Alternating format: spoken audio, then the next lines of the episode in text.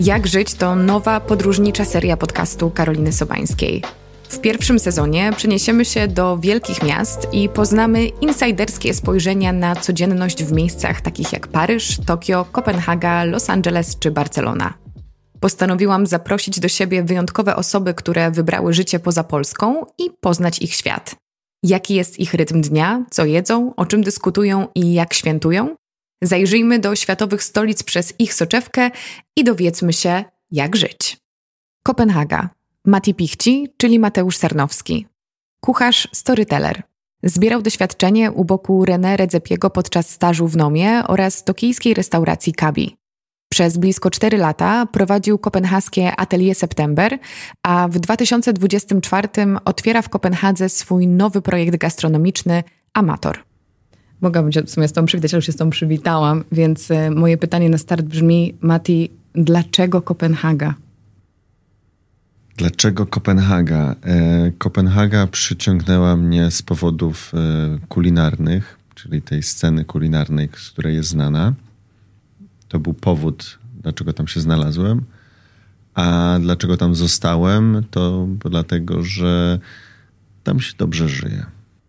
Pięknie. Powiedziałeś coś bardzo ważnego i też enigmatycznego, e, ale zastanawiam się, czy jak decydowałeś się na przeniesienie do Kopenhagi, to miałeś już jakieś konkretne oczekiwania względem tego miejsca? Czy to jest tak, że z uwagi na to, jak potoczyło się właśnie twoje życie, bo też jakby znam twoją historię, więc wiem, mhm. że ten wyjazd nie był przypadkowy mhm. tam, ale czy gdyby ta, ta szansa, te plany miały się zrealizować w jakimś innym miejscu, też byś powiedział tak? Czy też Kopenhaga była argumentem samym w sobie? E, Kopenhaga raczej nie była argumentem samym sobie. Pojechałem tam e, z powodu stażu e, w konkretnej restauracji, która, z której też Kopenhaga jest znana i wiadomo, że to jest naczynie połączone. Sama idea, ok, jadę na trzy miesiące do Kopenhagi, żeby pracować w Nomie, poznać, przeżyć przygodę życia, być może zostać tam na stałe. Taki był plan. Natomiast to zostanie na stałe było taką opcją, więc brałem pod uwagę też to, że po trzech miesiącach e, wrócę. E, tak naprawdę za bardzo o tym nie myślałem. Chciałem po prostu, ok, teraz mam taką misję, żeby się sprawdzić w miejscu wymarzonym, o którym krąży wiele e, legend. No jak wiadomo, też jest miejscem znanym z tego, że w bardzo pionierski sposób zrewolucjonizowało gastronomię i wpłynęło na cały świat, ale też właśnie zwłaszcza w Kopenhadze jest Noma jako taki ruch jest bardzo widoczna. Wiele osób pracowało w Nomie e, albo robiło staże i potem otwierały kolejne miejsca. Jakby ta taka szkoła Nomy e, jest, jest wszechobecna na tej scenie kulinarnej. Więc to był ten powód, e, żeby tam się znaleźć. Gdyby była to jakaś inna restauracja w innym mieście, też bym pewnie wziął to pod uwagę. Udało mi się dostać akurat tam. Więc e, taki podjąłem krok, żeby e, pojechać na kilka miesięcy do Kopenhagi. A tak sobie myślę, przy tej intensywności pracy, którą miałeś tam od samego początku, hmm. miałeś okazję poznawać miasto? E, zdecydowanie tak, ponieważ tydzień był tak skonstruowany, że pracowaliśmy od wtorku rano do soboty wieczorem, bo też ten serwis sobotni był trochę krótszy. I potem był jeden dzień taki powiedzmy na regenerację, czyli ta niedziela zazwyczaj, więc zbyt wiele się nie zrobiło, ale wiadomo, no jestem w mieście i coś tam, gdzieś tam się poszło, coś się zobaczyło. A poniedziałek był na to, żeby ewentualnie pojechać sobie gdzieś może dalej. Też e, udało mi się e, pozwiedzać trochę e, Danii dookoła Kopenhagi, nawet w tamtym okresie, więc starałem się wykorzystać, taki miałem bardziej mindset może wakacyjny, Czyli chcę zrobić jak najwięcej, a nie tylko leżeć e, w łóżku i oglądać seriale. E, więc zdecydowanie tak. Przez te trzy miesiące poznałem Kopenhagę i to też był powód, żeby brać pod uwagę to, że, że tam się faktycznie dobrze żyje i że pasuje mi to, mimo iż nie znałem wtedy duńskiego. O czym możemy też później wtedy porozmawiać. Wciąż go e, nie znam, to znaczy jest to taki temat e, dość trudny. E, fonetyka duńska jest bardzo, bardzo skomplikowana i e, mimo iż e, spędziłem sporo czasu, żeby się uczyć tego duńskiego, to nie kliknęło i dużo rozumiem, słabo mówię, i też nie używam zbyt wiele, mhm. bo, bo nie ma takiej potrzeby. w związku z tym, że ogólnie działam w takim dość międzynarodowym towarzystwie i wszyscy też Duńczycy mówią po, po angielsku, więc to jest taka wymówka. Ale czemu o tym duńskim? E, że no właśnie, że też w, w, można po prostu żyć tam sobie nie znając duńskiego jest, jest bardzo przyjemnie i no, jest kompaktowe miasto, więc e, łatwo się w nim odnaleźć. Myślę, że to jest bardzo istotny aspekt e, Kopenhagi, że jest kompaktowa. No też sporo się mówi o tym, że Dania, przynajmniej, chociaż też kolejne pytanie, prawda? Czy, czy Kopenhaga to Dania, tak jak mm. się mówi, czy Londyn to Wielka Brytania, ale czy dużo się mówi o tym, że jednak społeczeństwo duńskie jest mocno hermetyczne, więc w sytuacji, kiedy mówisz, że ten duński nie jest konieczny, czy to jest właśnie związane bezpośrednio z tym, że kiedy obracasz się w środowisku międzynarodowym, po prostu żyjesz trochę innym życiem, mhm. inną Kopenhagą? Na pewno e, Kopenhaga jest jakąś bańką w, w, w, Danii, a w tej Kopenhadze pewnie są setki albo tysiące różnych innych baniek, których możemy się znaleźć i też mieć z perspektywy tej bańki jakąś opinię. E, to nie jest tak, że obracam się tylko wśród ekspatów tak zwanych, e, tylko również mam znajomych Duńczyków. I czy oni są zamknięci? I tak, i nie. Ci moi Duńczycy nie są zamknięci, e, ale wiadomo, że też obcuję z różnymi Duńczykami. Jest pewien poziom zamknięcia, to znaczy zazwyczaj ta taka powierzchowna serdeczność zawsze się znajdzie, więc to nie jest tak, że ludzie nie, nie patrzą sobie w oczy, mijając się na ulicy. Natomiast e, po tej, za tą powierzchownością właśnie idzie jakaś taka blokada i czasami ludzie, nie wiem, nie wyobrażają sobie, że kogoś zaprosić do domu, co w Polsce powiedzmy jest dość naturalne, że okej, okay, nawet się nie znamy zbyt dobrze, ale to zapraszam do siebie, usiądziemy, pogadamy, wypijemy kawę. To... E, czy zamknięcie jest może też na jakimś poziomie emocjonalnym? Chyba tak. Ono się przejawia w pewnym na pewnym poziomie takiej e, pasywna agresja, by się po polsku mm. mówiło, e, powiedziało, więc jest to jest taki bardzo opakowana właśnie w serdeczność czasami w serdeczność albo w jakiś taki e, dziwny żart, e, taka niechęć. Więc to się zdarza, że jak się na przykład nie wiem, mieszka gdzieś w jakiejś tam kamienicy, to ludzie są bardzo wobec siebie mili, ale gdzieś tam na przykład mają wobec ciebie jakiś problem, że twój rower na przykład stoi nie tak jak powinien e, i, i, to, i to może przeszkadzać. Kiedy w, wydaje mi się, że w Polacy są bardziej tacy otwarci e, i jeżeli ciebie nie lubią, to przynajmniej już wiedział, tak. albo czuł, czuł, że cię nie lubią i się zastanowisz, ok, dlaczego, co się dzieje, może trzeba coś wyjaśnić, a nie będzie to ukryte za jakimś tam uśmiechem i serdecznością codzienną. No więc to tak trochę wywlekam e, trochę takich brudów, ale ogólnie wracam też do tego, że koniec końców żyje tam się dobrze. Jest to taki dla mnie samego zdrowy kompromis, e, gdzie mi się dobrze żyje, gdzie mi się buduje dobrze mm, rutyny, E, wstaje rano, działa, pracuje, zajmuje się tym, czym lubię się zajmować, czyli wiadomo, jedzeniem. Więc tak, tutaj kropkę stałem. Ja o to dobre życie i twoje kopenhaskie rutyny jeszcze cię zapytam, ale mhm. jak już sobie tak pięknie e, generalizujemy o tych mieszkańcach Kopenhagi, to ciekawostka jest taka, że sprawdzałam, e, jak nazywa się mieszkaniec Kopenhagi i że jest to mhm. Kopenhażanin. Tak. Bardzo mnie jakoś rozczuliło to stwierdzenie, jest piękne. Mm, czy, czy umiałbyś stworzyć taki, jakby wiadomo, mówimy tutaj o stereotypach, o dużych generalizacjach, mhm. taki właśnie profil Kopenhażanina, takiej osoby, której, mhm. którą statystycznie najczęściej spotkasz na ulicy, czego możesz się po takiej osobie spodziewać? Kim jest, kim jest ta osoba? W ogóle jakie ma imię? Nazwijmy jakoś jego ją. Eee, no tak, to ciekawe, ciekawe. Ehm...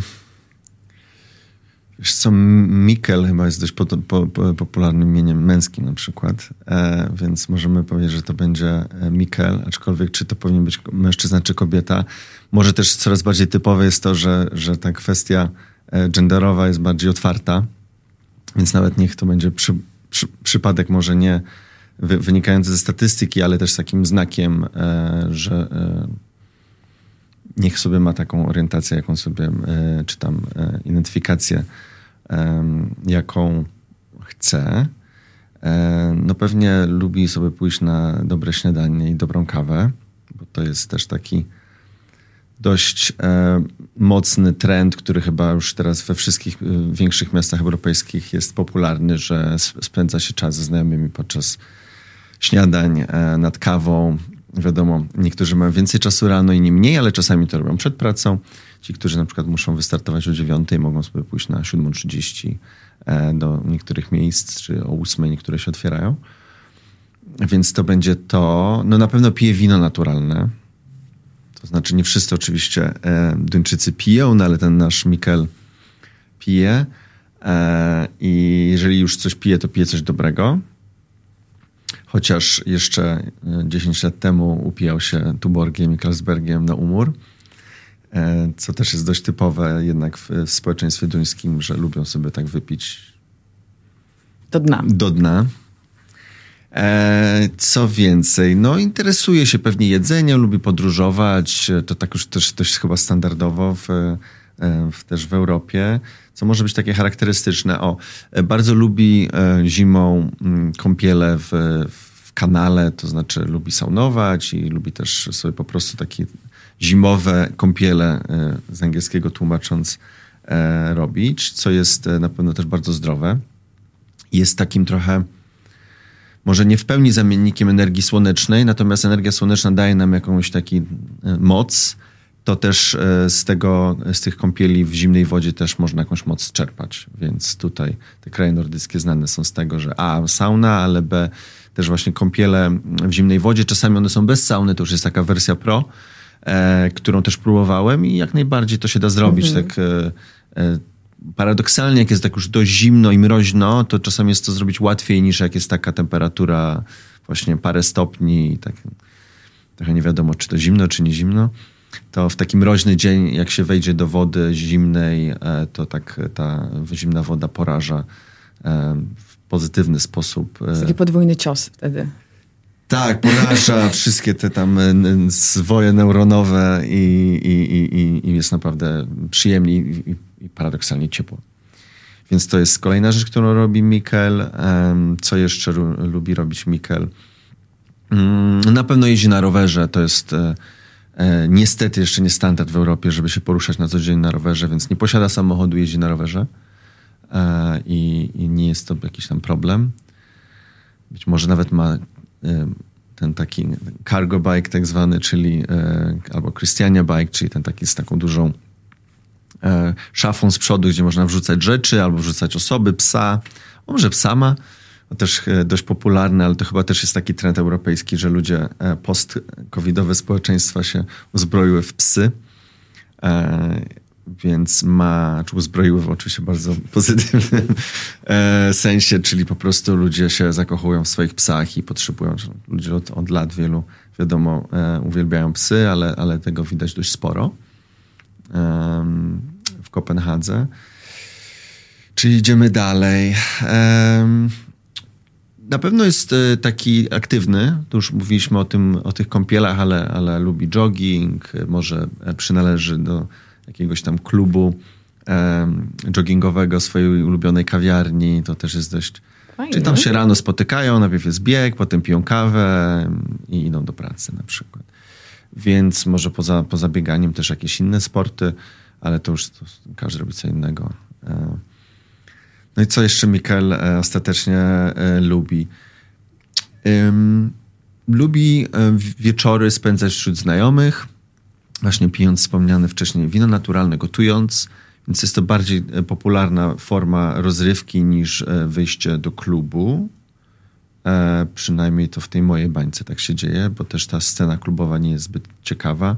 Jest trochę jakichś tam mordowni, są jakieś tam miejsca techno, ale to już, to już trzeba tam e, totalnie się oddać tej imprezie, żeby się dobrze tam bawić. Ogólnie ja szczerze mówiąc nie mam miejsca, do którego chciałbym pójść potańczyć, aczkolwiek tańczyć lubię. Jak jestem w innych miastach, zdarza mi się e, zdarza mi się wyjść. No i to, to będzie chyba tyle, tak nie wiem, czy coś ciekawego udało się tutaj e, o tym Mikalu powiedzieć? Bardzo ciekawe. Ja, e, jesteś, e, czy wspomniałeś o, o spotykaniu się ze znajomymi, bo ciekawa mnie w ogóle relacje i podejście mm. Duńczyków do relacji. Jak ważni są znajomi, na ile to są znajomi, a na ile to są przyjaciele mm. i jak kwestia właśnie relacji z, z, z rodziną, tego mhm. wychodzenia mm. z domu y, i całej tej dynamiki właśnie społecznej. Jasne.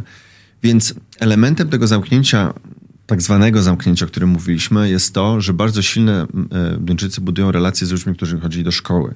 Aczkolwiek mm. nie jest to jakiś tam totalna e, odmienność. No, ja na przykład też mam osoby, z którymi znam się od wielu lat, ale na przykład już mam luźniejsze mm, relacje z osobami z podstawówki niż e, ludźmi z liceum czy, czy czasów tam gimnazjum. E, wydaje mi się, że, że jest to dość charakterystyczne, że spotykają się z ludźmi, których znają od wielu, wielu lat, czyli na przykład z czasów podstawówki. Przyjaciel w języku polskim to jest dość takie poważne słowo, które dużo znaczy. Niektórzy nadużywają, mogliby wymienić 15. E, dla mnie no, to grono byłoby węższe i też im jestem starszy, tym bardziej zawężam i weryfikuję może pewne przyjaźnie. Bo też wiadomo, że te, które zawiązały się trochę później, czasami wyglądają na poważniejsze relacje, a potem się troszeczkę to rozmywa, bo się troszeczkę trochę poszliśmy w innym kierunku. Mm, więc jak jest u Duńczyków? Też jest właśnie, y, dlaczego mówię o tej kwestii językowej, bo, bo jako, że poruszam się głównie w języku, porozumie, porozumiewuję się w języku angielskim, to słowo friend jest takie, można rzucić prawie, że o każdym znajomym. Acquaintance, tak już to już jest takie bardziej e, e, dystansujące wręcz słowo, że już właściwie to nie mam nic z tym człowiekiem wspólnego, tylko tyle, że go znam. E, więc e, tych przyjaciół, ludzi znajomych mają wielu i wiadomo, są różne etapy życia, ale Duńczyk raczej spędzi czas czy urodziny w węższym gronie, kiedy ten, to towarzystwo ekspackie, które wiemy w dużych miastach europejskich jest bardzo silne i rozbudowane, no to te, mm, te relacje e, są, z, z, powiem, budujemy z ludźmi, których znamy krócej czyli de facto znajomymi, a nie przyjaciółmi, albo szybciej myślimy o nich jako przyjaciołach. Swoją drogą słuchałem e, twojego podcastu o e, ekspatach, więc tam było bardzo dużo poruszonych rzeczy, z którymi się w, e, zupełności zgadzam. Potwierdzasz. tak, jeden, jeden aspekt był taki, że, no, że szybciej budujemy te relacje i, i, i wtedy, jeżeli zapraszamy się do siebie do domu, no to faktycznie czasami znamy osobę niecały rok, i w naszej głowie jest to bardzo nam bliska osoba, no bo nie mamy tych odpowiedników, e, gdzie się wychowaliśmy. No właśnie, czy z punktu widzenia ekspaty jest szansa na to, żeby się przedostać do tego grona przyjaciół z mhm. podstawówki Mikela? E, I tak, i nie. Tutaj e, wcześniej mówiliśmy o tym, że wiele zależy od człowieka i chyba to też do tego się sprowadza. Mnie się udało w jakieś tam pewne grona wejść. To też nie jest tak, że będę siedział wśród y, pięciu znajomych z podstawówki plus ja, ale gdzieś tam, gdzieś, jak zaczyna się to trochę bardziej tam zacierać, to, to tak, mam, y, byłem w duńskich domach u Duńczyków, więc, y, więc jak najbardziej to się da zrobić, ale też z tego, co wiem o sobie, jestem osobą dość otwartą, też daję dużo od siebie, często oferuję, że okay, to mogę gotować na przykład, więc to jest też taki trochę e, wytrych, łapuwa, żeby, żeby gdzieś się znaleźć, czego jakby świadomie korzystam i mam wiele w swojej jakiejś tam siatce znajomości, przyjaciół lokalnych, no to, no to wiadomo, że gdzieś tam to jedzenie e, zawsze było mm, elementem łączącym. A powiedz mi jeszcze o tej rodzinie. Czy masz mhm. wiedzę na ten temat? Czy, jakby rodzina, czy rodzina jest ważna właśnie yy, dla Duńczyków? Czy się na odcinają, wiesz, wychodzą ze mhm. szkoły, z, zakładają swoje własne rodziny? Mhm. Właśnie to chyba też jest, to jest taki stereotyp, przynajmniej z którym ja się spotkałam, że szybko się zakłada rodzinę pewnie z chłopakiem, z którym się jest od początku świata, z tego samego grona. Czy to też jest e, duże uproszczenie? Więc tak, zaczynając e, od tego, e, nasza taka rodzina prawdziwa oraz wybrana, co, co, mhm. gdzie wolimy spędzać czas. Wydaje mi się, że jest, nie byłoby tu odmienności z tym, co się dzieje obecnie w Polsce, czyli rodzina jest dość istotna, spędzamy z nią czas, znaczy dość istotna, dla niektórych jest bardzo istotna, ale mówię, porównuję w takim sensie, że może dla niektórych byłaby zupełnie nieistotna i dla mnie moi przyjaciele są moją prawdziwą rodziną, a mama i tata to w ogóle są jacyś ludzie z przeszłości. Więc w, Pol w Polsce e, mamy silną silne związanie z tradycją, chociaż to też oczywiście zależy, jest to kwestia indywidualna, więc tutaj wydaje mi się, że na równi może w Polsce traktujemy przyjaciół i rodzinę i podobnie byłoby w Danii. Tak, ale to też mówię, wiesz, nie prowadzimy na ten temat badań, Pewnie. jakieś tam obserwacje, więc, więc to jest taka kwestia. Mm jak z, z, z, budowaniem rodzin. Duńczycy nie spieszą się raczej z. Chociaż to też znam wyjątki, że ludzie dość, dość wcześnie e, się e, małżeństwa tworzyli. Pobierają. Pobierali się. E, natomiast chyba koniec końców wiele to się nie różni od tego, co jest w Polsce. Niektórzy w wieku dwudziestu wczesnych kilku lat się pobierają, a, a inni z tym zlekają albo w ogóle tego nie robią. Niektórzy zostają singlami, więc jest jakiś taki ogólny miks. Więc jeśli chodzi o budowanie rodzin, to nie mam tutaj jakiejś e, zaskakującej konkluzji.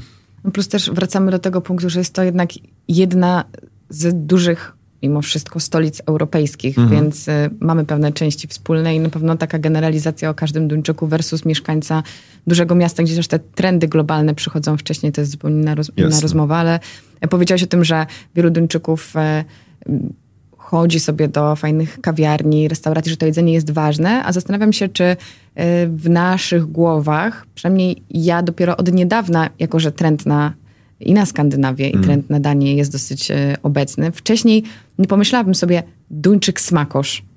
Czy Jasne. to jest taki mm. aspekt życia Duńczyków, czy Kopenhażan, mm. który rozwinął się jakoś mocniej w ostatnich latach? Czy oni zawsze byli takimi, nazwijmy to, foodiesami, tylko może tak się z tym nie afiszowali i też te ich smaki są może mniej spektakularne?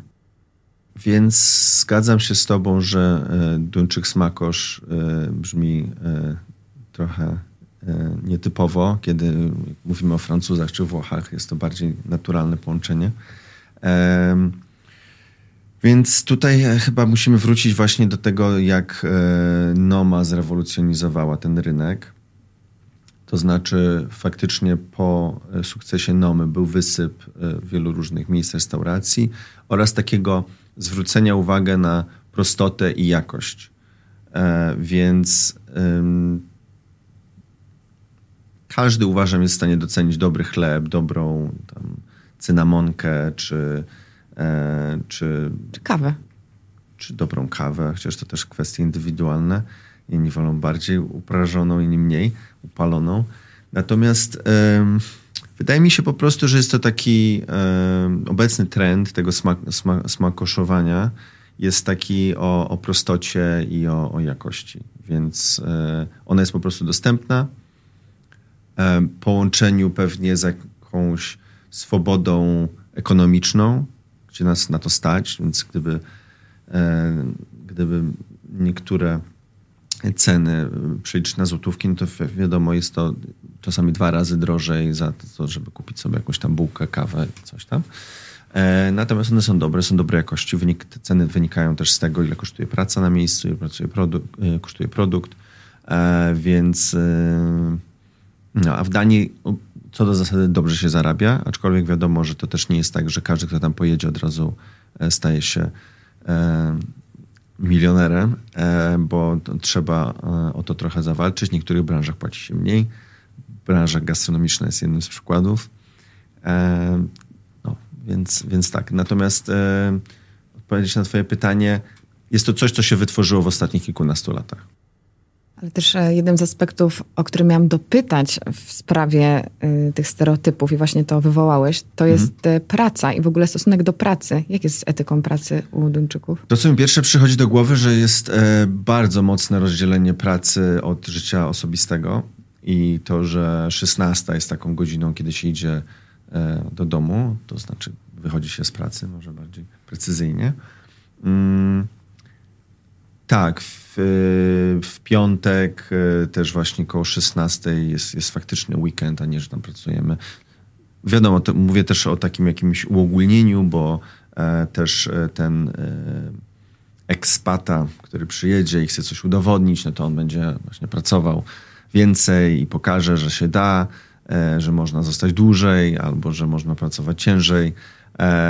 Duńczyk szanuje swoją. Ja miałem dużo w, swojej, w swoim zespole w Atelier September bardzo młodych ludzi od 16 roku życia do powiedzmy tam dwudziestu kilku, którzy też bardzo szanowali swoją e, prywatność, więc rzadko się zdarzało komuś przyjść, kiedy miał mieć wolne, że w ramach jakiegoś tam okay, jest emergency, musisz, musisz przyjść. To jeżeli w zespole osoba e, powiedzmy z Europy e, centralno-wschodniej, to prędzej, prędzej by się znalazło na takim miejscu. No bo wiadomo, też musi, musi coś udowodnić. No jakby to są też siłą rzeczy e, pewne naturalne e, zjawiska. Natomiast e, młody Duńczyk już jest też nauczony tego, że, że jest duże rozgraniczenie. Albo na przykład ok, potrzebuję dodatkowej osoby w sobotę rano, no ale w piątek wieczorem są urodziny jej przyjaciółki, no to tak nie bardzo ona może pracować.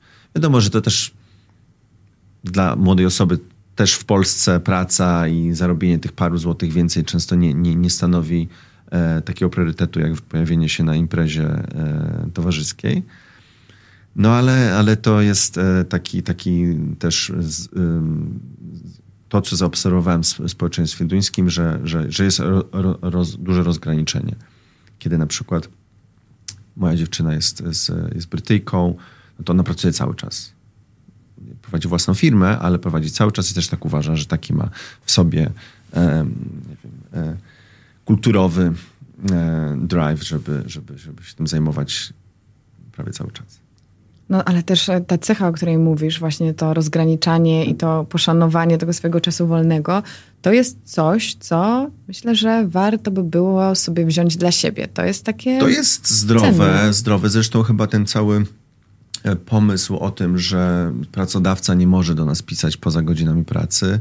E, jest albo tam szwedzki czy duński, już nie pamiętam, tak mi się wydaje. E, więc wiadomo, to brzmi dobrze, tak? Pewne rzeczy w ogóle w historii brzmiały dobrze, a czasami praktyka weryfikowała, że po prostu są utopijne. Czy, czy to, żeby pracodawca się do nas nie odzywał poza godzinami pracy jest utopijne? Pewnie nie, jeżeli branża na to pozwala. W niektórych branżach się nie da. E, branża ta, w której ja pracuję, właśnie czasami wymaga sytuacji, jeżeli jesteśmy otwarci 7 dni w tygodniu, no to czasami trzeba się odezwać, czy jesteś w stanie na przykład pomóc. E, no ale na przykład, wiadomo, e, pewne rzeczy załatwię na miejscu, a nie będę tam dzwonił w dniu wolnym danej osoby i, i pytał, dlaczego zrobiła tak, a nie inaczej. Więc tak.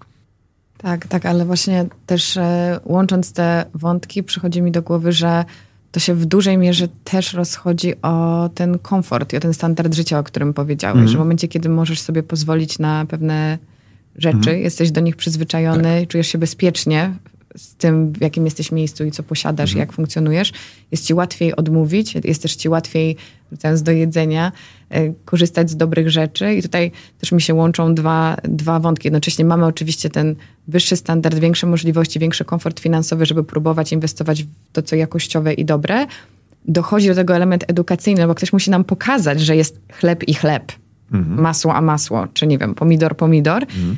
I jeżeli mamy na to zasoby i nauczymy się tego, bo wiemy, że można lepiej, no to wtedy możemy funkcjonować jako wyedukowane i dobrze żyjące społeczeństwo. Że tutaj Zgadzam kilka się. elementów wchodzi do gry i dlatego może Dania jest takim dobrym przykładem takiego społeczeństwa. Dobrym przykładem, bo wspominałem o tym dobrym życiu, to, to można y, porównać, że to jest tryb przetrwania versus tryb dobrego życia, czyli jakby y, tryb przetrwania też w sumie trochę mnie towarzyszył, kiedy zaczynałem e, swoją jakąś tam karierę zawodową e, e, jeszcze w Warszawie, więc też były okresy, że nie miałem pracy, że szukałem czegokolwiek, jakakolwiek sytuacja, w której byłbym w stanie się odnaleźć, była dla mnie szansą, kiedy powiedzmy taki młody Duńczyk bardziej może wybierać świadomie, co jest pozytywne i dobre życie jest pewnie lepsze od trybu przetrwania, aczkolwiek niektórzy na tym dobrym życiu zbyt daleko nie dopłyną, a ci, którzy czasami e, zacisnęli zęby i w tym trybie przetrwania e, przetrwali, no to zaszli bardzo daleko. No ale to tak jak wiadomo, no, mm, ciężko jest porównywać te dwa, te dwa światy. Ale powiedziałbyś, że Kopenhaga poniekąd nauczyła cię tego dobrego życia albo wprowadziła coś do twojego życia, że ono stało się lepsze? Na pewno Ta tak. codzienność mam na myśli. Na pewno tak, a czyli lepsze. Y, Życie w Kopenhadze jest na pewno inne, tak? Mógłbym mieszkać, też mam świadomość tego, że mógłbym mieszkać właściwie w każdym miejscu na świecie. Tam, gdzie oczywiście pozwala na to kwestie jakieś prawne. E, I, no, y, i, I tak uważam, że z tych, co znam, to w Kopenhadze jest mi najlepiej, więc najlepsze wartościujemy. No to chyba jest najlepsze, ale też nie wiem, jakby było, gdybym mieszkał gdzieś indziej. Może byłoby lepiej.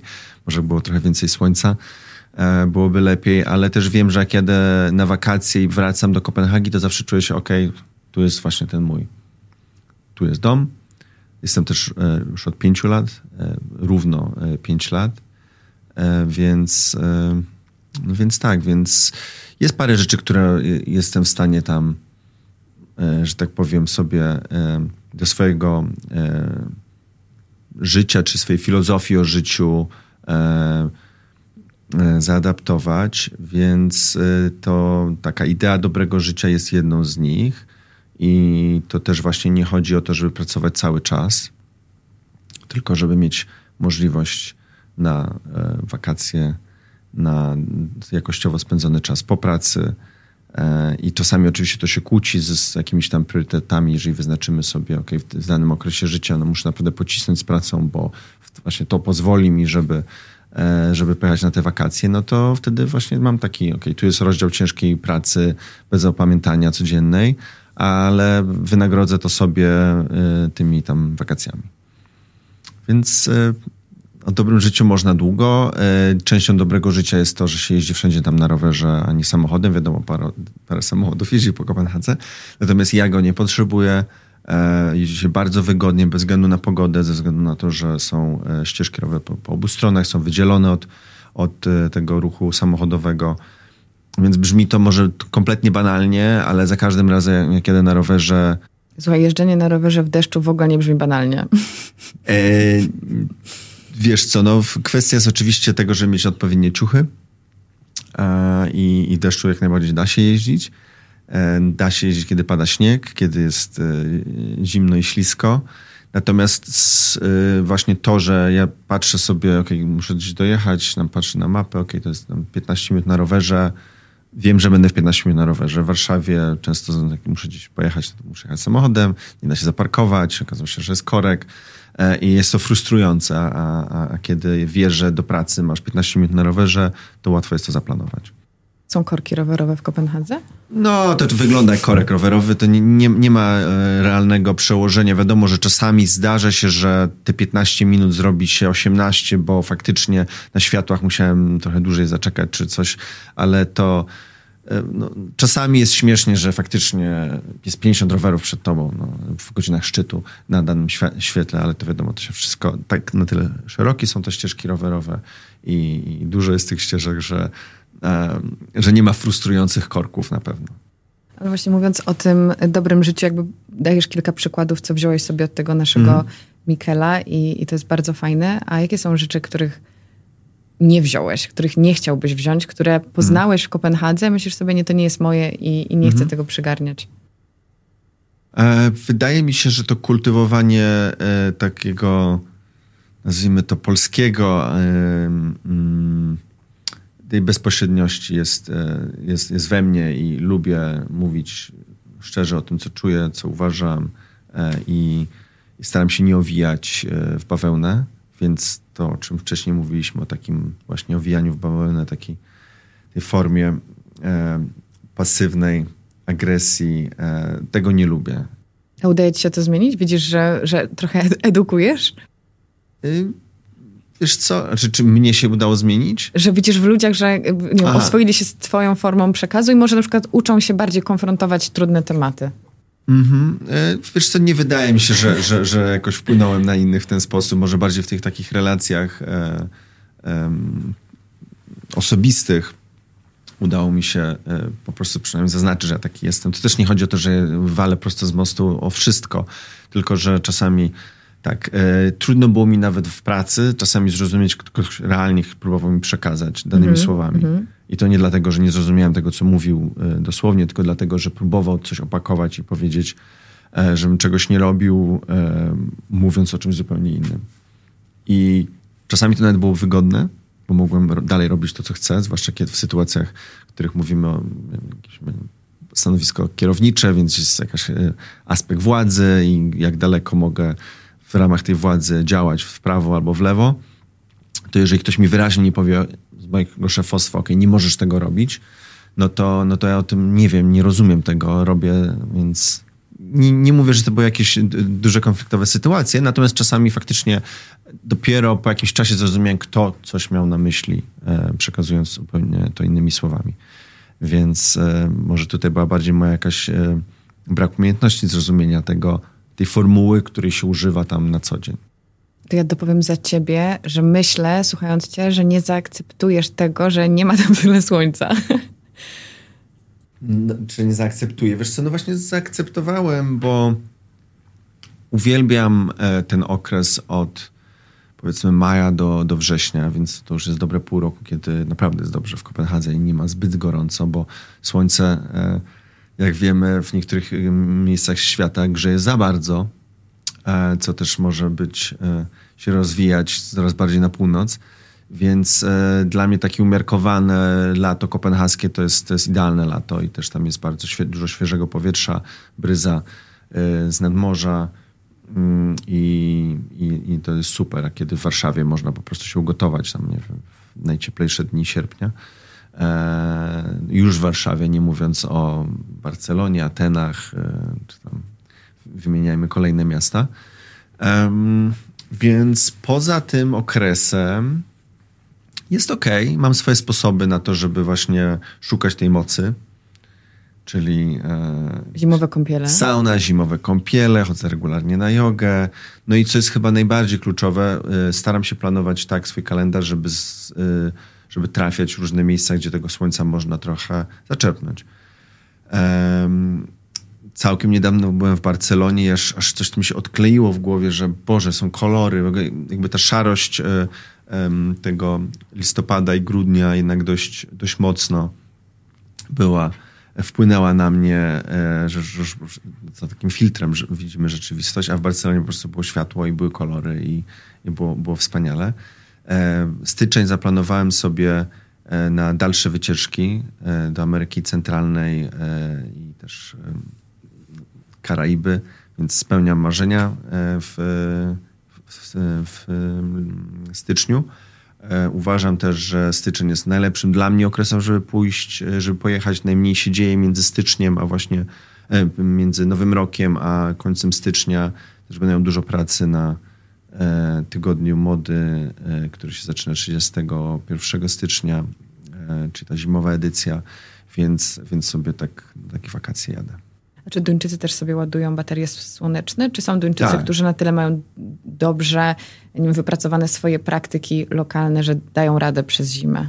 Nie, potrzeba słońca i jakby tego się totalnie nauczyłem, e, że wakacje planuję właśnie listopad, styczeń, luty, marzec, że wtedy trzeba gdzieś wyjeżdżać. To się nauczyłem od Duńczyków, że oni zawsze sobie planują wyjazdy.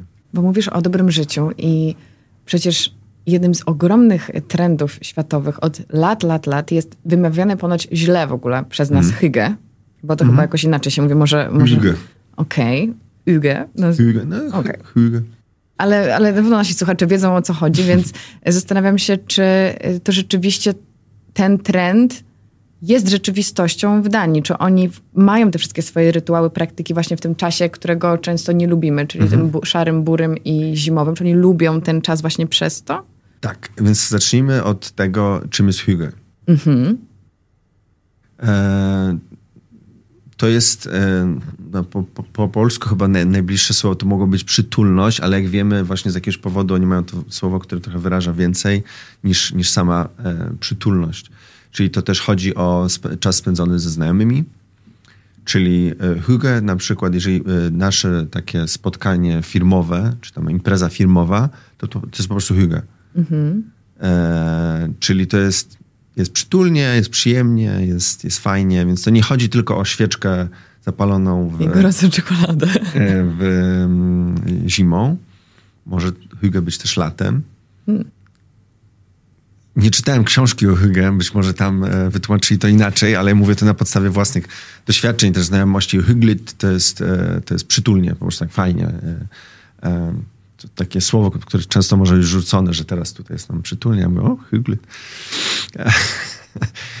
um, Więc wydaje mi się, żeby docenić tą świeczkę i tą, tą czekoladę i ten e, kocyk, to fajnie jak się raz e, zimą wyjedzie gdzieś do słoneczka i robi się to trochę z bardziej opaloną mordką niż mniej. Więc to tak, e, tak z mojego doświadczenia. Ale, ale tak, no, i można miło spędzić czas w domu i, i ja faktycznie trochę przechodzę w taki tryb, tryb zimowy, snu zimowego wręcz, bo też faktycznie więcej śpię zimą. Um, kładę się spać często o dziewiątej, bo, po prostu ja w ogóle nie mam zbyt mocnego światła u siebie e, w mieszkaniu, więc, więc jakoś tak chyba naturalnie, jak nie ma, nie ma światła, no latem o 23 czasami e, jeszcze jest jasno. Um, więc e, jakoś tak na pewno nauczyli się obcować z brakiem światła w okresie zimowym, ale e, myślę, że elementem tego e, nauczenia się jest też to, żeby, żeby próbować gdzieś wyjechać, gdzie jest więcej słońca. Jakby tego, jakby bez słońca nie, nie działamy zbyt dobrze. Potwierdzam, natomiast w tych wszystkich przewodnikach, które ja mam na swoim koncie tak. czytelniczym, niewiele jest o tych wyjazdach, więc tam trochę oszukują. Dlatego tak zastanawiam się, czy jak teraz, e, no od kilku lat powiedziałabym, że obserwujemy taki trend w gastronomii, mm. jakiś taki zachwyt Kopenhagą. Coraz więcej osób chce tam jeździć, chce tam zjeść, ale też przenosi różne koncepty do innych miast, y, zazwyczaj mm. miast europejskich po to, żeby mieć ten kopenhaski klimat, tak jak w przypadku naszej przytulności, czy też to wyobrażenie o Kopenhadze i kopenhaskim jedzeniu odbiega nieco od oryginału, jak sobie myślisz mm. o tym właśnie nawet, nawet z jakimi oczekiwaniami ludzie przyjeżdżają do Kopenhagi, żeby zjeść i mm. to jaka wersja Kopenhagi powstaje też na przykład w takiej Warszawie. Jak ty to interpretujesz i odbierasz? Mhm. Wydaje mi się, że e, osoby, które przyjeżdżają do Kopenhagi rzadko kiedy są rozczarowane tym, co zobaczyły, mimo iż oczekiwania są wysokie, więc, e, więc to chyba świadczy o tym, że, że nie jest tak źle. E, też pamiętam samego siebie i mój pierwszy rok w Danii, w Kopenhadze, jak bardzo podobały mi się wiesz, drobne elementy, które tam znajdujesz e, element wystroju, czy właśnie jakości, że jestem jakimś tam e, kafeteryjce jakiegoś muzeum i, i, masło jest ekologiczne i, i nad tym się zastanawiam, bo czemu w Polsce standardem nie jest masło ekologiczne, e, skoro wydaje mi się jest lepsze od tego nieekologicznego, aczkolwiek wiadomo, certyfikacja jedzenia to też jest osobny temat do dyskusji. Więc te osoby, które przyjeżdżają, zobaczą coś nowego, coś ciekawego, coś, co dobrze jest pokazane na Instagramie, bo jest to często jakimś tam ładnym, ładnej estetyce wnętrza. E, czy, czy, czy ogólnie też takiej urbanistycznej e, estetyce, bo, bo te uliczki kopenhaskie są ładne, e, nowoczesne budynki nie przytłaczają tego, co tam jest już od lat, więc też jest dużo tych nowoczesnych budynków, które właśnie wyznaczają trendy na cały świat, jak powinno się budować przestrzeń publiczną. E, więc to wygląda tak, wygląda dobrze i jak to się przekłada, no ten, ten e, e, Warszawa nie jest jedynym miastem, które e, inspiruje się Kopenhagą. W tym roku byłem w kilkunastu miastach na różnych pop-upach i często miejsca, do których zostałem zaproszony, to były właśnie taka e, inspirowana Kopenhagą kawiarnia, restauracja i gdzieś tam widziałem właśnie e, różne wpływy w takiej czy innej formie. Jest to po prostu silny trend, który, który zalał. Swoją drogą jestem bardzo ciekaw, co jest po Kopenhadze. Mhm. Świetnie, bo właśnie chciałam cię o to zapytać, że ty nie wiesz. Ja nie wiem. E, byłem w różnych fajnych miastach w tym roku i się na to właśnie za każdym razem wtedy zastanawiałem. Bardzo podoba mi się Portugalia, Lizbona, Porto e, bardzo mi się też spodobało. Nie wiem, czy Lizbona jest nową Kopenhagą, czy, czy będzie w stanie. Na razie Lizbona i Porto też kopiują Kopenhagę. E, więc, więc nie znam odpowiedzi na to pytanie, co po Kopenhadze, natomiast wiem, że, e, że łatwo jest pojechać na przykład do Kopenhagi na trzy dni i zobaczyć sporo i faktycznie się zainspirować, nasycić. To nie jest tak, że w tym mieście nie da się odnaleźć. Ono jest kompaktowe. Jeszcze jak się właśnie wynajmie rower, to można dosłownie zobaczyć e, bardzo dużo. Nie będę cię chyba prosić o, wiesz, jakiś tam werdykt czy ocenę, ale co, ale co sądzisz? Właśnie sobie zaprzeczyłam. Mm. Ale co sądzisz o tych właśnie kopenhaskich adaptacjach? Czy mhm. uważasz, że one są, oczywiście znowu generalizując, to jest zazwyczaj dobre? W ogóle ta tendencja jest, nie wiem, służy Kopenhadze samej w sobie? Jest dobrą taką wizytówką Kopenhagi, czy taką miniaturką Kopenhagi mhm. za granicą? Na pewno e, Kopenhadze nie szkodzi to, że inni e, próbują kopiować, nawet jeżeli to ta kopia jest jakaś tam nie, nie, nie najlepsza. Aczkolwiek wiadomo, że e, jeżeli przypuśćmy w Warszawie mamy tak zwany talerzyk kopenhaski i ten się składa na bardzo dobrej jakości chleb na zakwasie, dobrej jakości ser, tam masło, i jest to pyszne, no to, to, to, nie ma żadnego problemu. No wiesz, jakby też te trendy, y, Kopenhaga nie jest pierwszym miastem, które było kopiowane. Na przykład, nie wiem, w Warszawie mamy pewnie jakieś nowojorskie serniki. Jeżeli ktoś robi dobry nowojorski sernik w Warszawie, proszę bardzo. Jeżeli robi dobry talerzyk kopenhaski, skoro już tak to się nazywa, proszę bardzo. E, jeżeli inspiruje się duńskim designem, wiesz, duński design to też nie polega tylko na tym, że tam czy ta duńska estetyka nie polega na tym, że, że wszystko, co mamy w mieszkaniu jest duńskiego e, designera, czy tam e, projektanta i, i zostało wyprodukowane w Danii. No, to jest też jakaś tam jakiś miszmasz rzeczy, może coś jest przywiezione z innego kraju, ale estetyka polega na ogólnie, ogólnym minimalizmie oraz na trzymaniu tych rzeczy, które nam faktycznie służą i są jakościowe. Czyli nie kupujemy krzesła e, nowego, bo jest tanie, tylko prędzej zerkniemy na jakiś tam e, odpowiednik Allegro czy, czy innych e, platform i poszukamy używanego mebla, może właśnie projektanta duńskiego albo innego europejskiego, który to będzie wyglądało porządnie i będzie nam służyło. Więc to też nie jest o, o, wydawaniu kasy na prawo i na lewo, bardziej o rozsądnym wydawaniu kasy na rzeczy, które nam się przydadzą na długie lata. Super by było, gdyby ta, ten trend wiązał się z tym, że nas inspiruje sama filozofia i wartości, które za tym stoją, mm. a nie tylko ten element wizualny, że odtwarzamy pewien obrazek kopenhaski. Mm. Jak pójdziemy o krok dalej, to możemy przez to zaimplementować bardzo dobre, po raz kolejny dobre podejście do funkcjonowania w swoim codziennym życiu.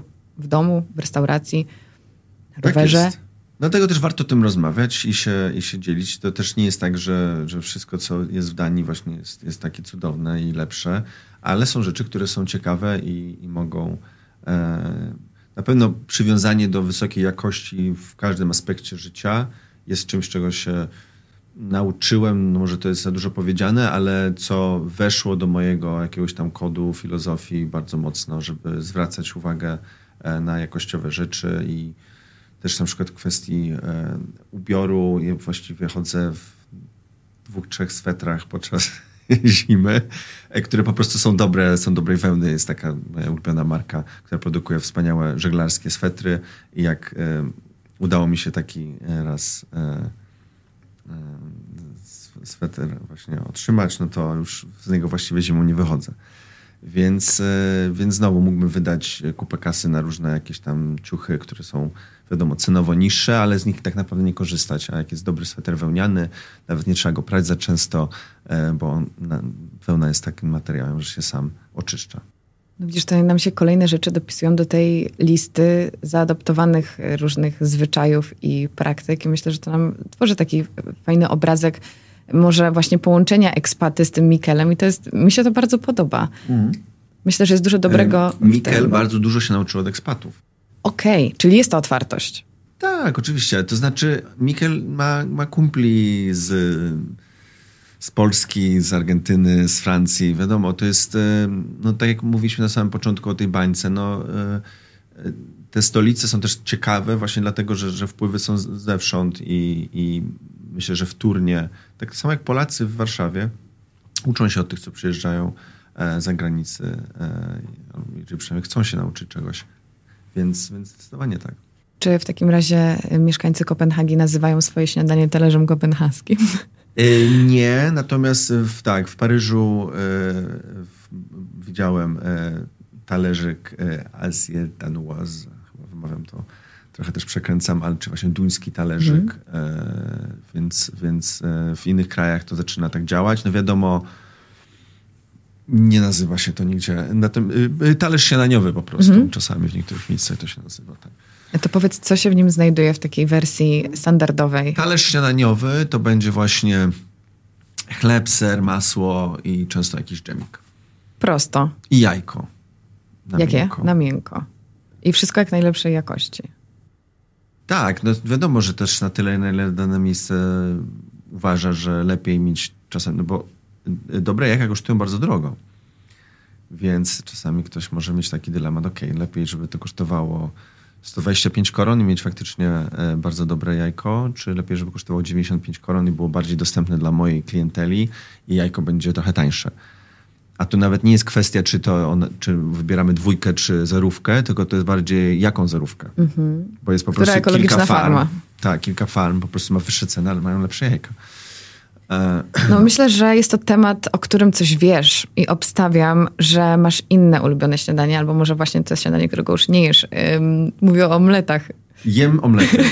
Jem dalej omlety, bardzo je lubię. Zresztą to jest też, y, dlatego y, pracowałem y, nad tym daniem, bo sami lubię jeść i nie przejadły mi się. Zresztą jako dzisiaj rano jadłem jako na miękko. E, I, I też dalej je lubię. I jakby w ogóle jajka lubię jeść i to też był powód, dla którego zacząłem na tym pracować. E, był to taki pomysł, który w ogóle się zaczął równo dwa lata temu w Warszawie. E, nie wiem, czy możemy podawać te różne... Możesz, możesz nazwać wszystko, co chcesz. Zawsze ewentualnie to wytniemy, ale tak, nie sądzę. W, w takim mieście, w mieście, w miejscu Krem było... Byłem na śniadaniu z Pauliną moją przyjaciółką i e, nawet nie wiem, czy to był chyba lunch, i tam był po prostu omlet. Więc e, żeśmy zamówili tego już nie pamiętam, czy to ja zamówiłem, czy ona zamówiła. Pamiętam, że go spróbowałem i spodobała mi się idea takiego właśnie lekkiego omleta i że hmm, nigdy nie pomyślałem, że omleta można zrobić tak. No bo mam jakieś, e, e, że tak powiem, możliwości, żeby na tym popracować i żeby zobaczyć, czy, czy takiego omleta jestem w stanie zrobić sam. No i tam spojrzałem na, na YouTubie też na jakieś tam takie tutoriale, jak się robi omlety francuskie. Wyskoczył mi filmik Jacques Pepin, to jest francuski e, szef kuchni z lat 70., 80., wydaje mi się, że on już nie żyje. I, i Jacques Pepin pokazał, jak się robi e, wiejskiego omleta i jak się robi klasycznego francuskiego. No i ten wiejski to jest taki bardziej przyrumieniony, a ten klasyczny francuski to na tej takiej jedwabnej delikatności się opiera, czyli nie można tych jajek przegrzać właśnie. No i na podstawie tego tutoriala zacząłem tam robić, zrobiłem, nie wiem, 20 omletów, no i gdzieś tam jakiś kierunek temu nadałem, no i faktycznie wiem, jak to zrobić. Nie robię tego widelcem tak jak on, robię to taką szpatułką silikonową i e, no i te omlety e, faktycznie bardzo się spopularyzowały tamtego czasu. W tym momencie one też są w menu E, Atelier September, pojawiają się kolejne miejsca, które serwują albo taką wersję omleta, albo inną, więc e, przyczyniłem się do tego, że jakoś tam, nie wiem, pchnąłem ten, ten, ten wątek omleta, ale wiadomo, ani omleta nie wymyśliłem, e, ani... Skrzesiłeś. E, tak, nad, nad, nadałem mu nowe życie i, i, dobry omlet jest wspaniałą rzeczą. Jest, jest naprawdę przyjemny i to mówię dlatego, że, że po prostu właśnie czasami mam wielką ochotę zjeść omleta i kiedy go jem, to sprawia mi ogromną przyjemność. Czy ty mówisz głośno, jakby co stanowi o dobrym omlecie? Jakby co Jak musi się wydarzyć, żeby on był taki tak, no mówiliśmy o tych dobrych jajkach, więc one... A jeszcze robią, dobra, to pauza. Jaka jest, jakie, są, jakie to są dobre jajka? Jak rozpoznać dobre jajka? Jak już wiemy, że Aha. kupujemy ekologiczne z jak najlepszego źródła mhm. i na przykład właśnie mamy dwa różne, no to skąd wiem, że któreś będzie lepszy od drugiego? No ciężko jest je ocenić, zanim je rozbijemy.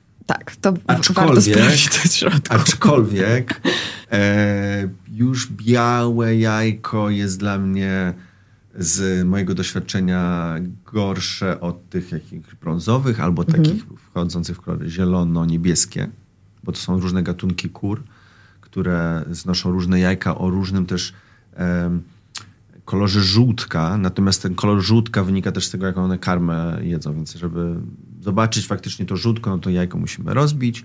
Po rozbiciu jajka, świeże jajka mają e, taką e, nazwijmy to meduzę, czyli taki, taki, taką właśnie to białko jest takie, takie jeszcze mm, w takiej formie niepłynnej, tylko jeszcze takiej, jak to znaczy, na to mówię meduza, ale e, wiesz o co chodzi. Tak, chyba. niech to będzie meduza. meduza.